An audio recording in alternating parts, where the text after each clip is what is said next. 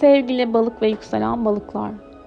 2024 yılı bakalım sizler için nasıl geçiyor? Bu podcast'te bunu dinliyor olacaksınız. Satürn geçtiğimiz yıl sizin burcunuzdaydı ve bu yıl da sizin burcunuzda ilerliyor olacak.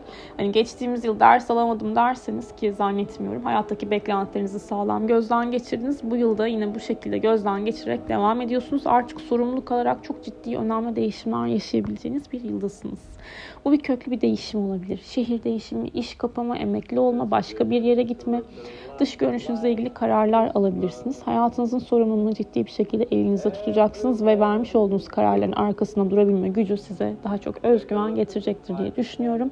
Ayrıca dış görünüş demişken zayıflama konusunda da eğer istikrarlı olursanız Satürn birinci evinizden transit ederken bu isteğinize karşılık verecektir.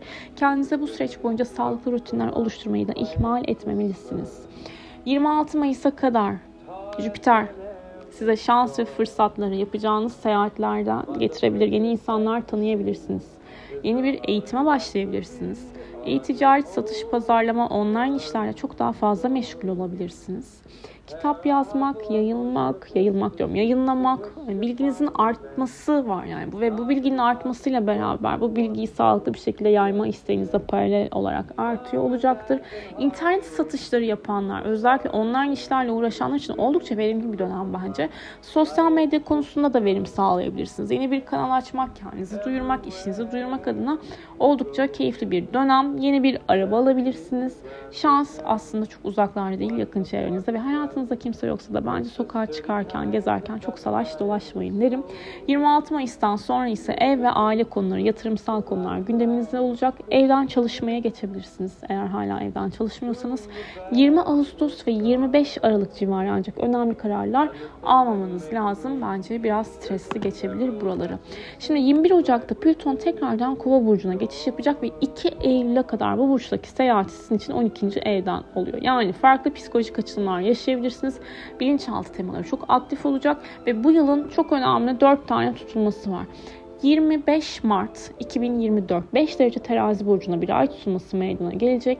Güney ay düğümü tarafında bu tutulma sizlerin ödeme kaynaklar, miras, vergi, ortak kazanç alanını etki edecek. 8 Nisan 2024 19 derece koçta güneş tutulması para evinize etki edecek.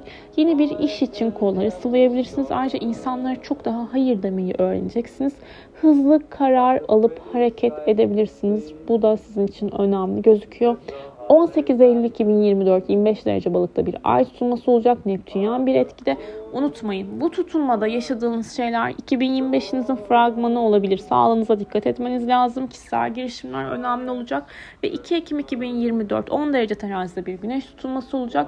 Burada da 8 Nisan 2024 civarında özür dilerim 20, 25 Mart 2024 civarında almış olduğunuz kararlarla ilgili belki yeni başlangıçlar olabilir.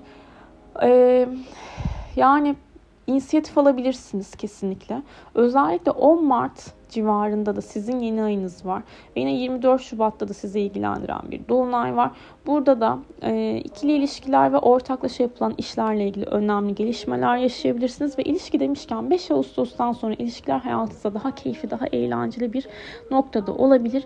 29 Ağustos'tan sonra ise parasal konular, 23 Eylül'den sonra ise seyahat konuları biraz daha ön planda gözüküyor.